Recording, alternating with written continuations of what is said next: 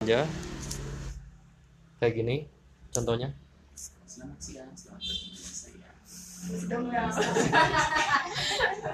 lima menit lagi udah ada di Spotify ya. Coba mengulas sesuatu hal yang sangat tabu.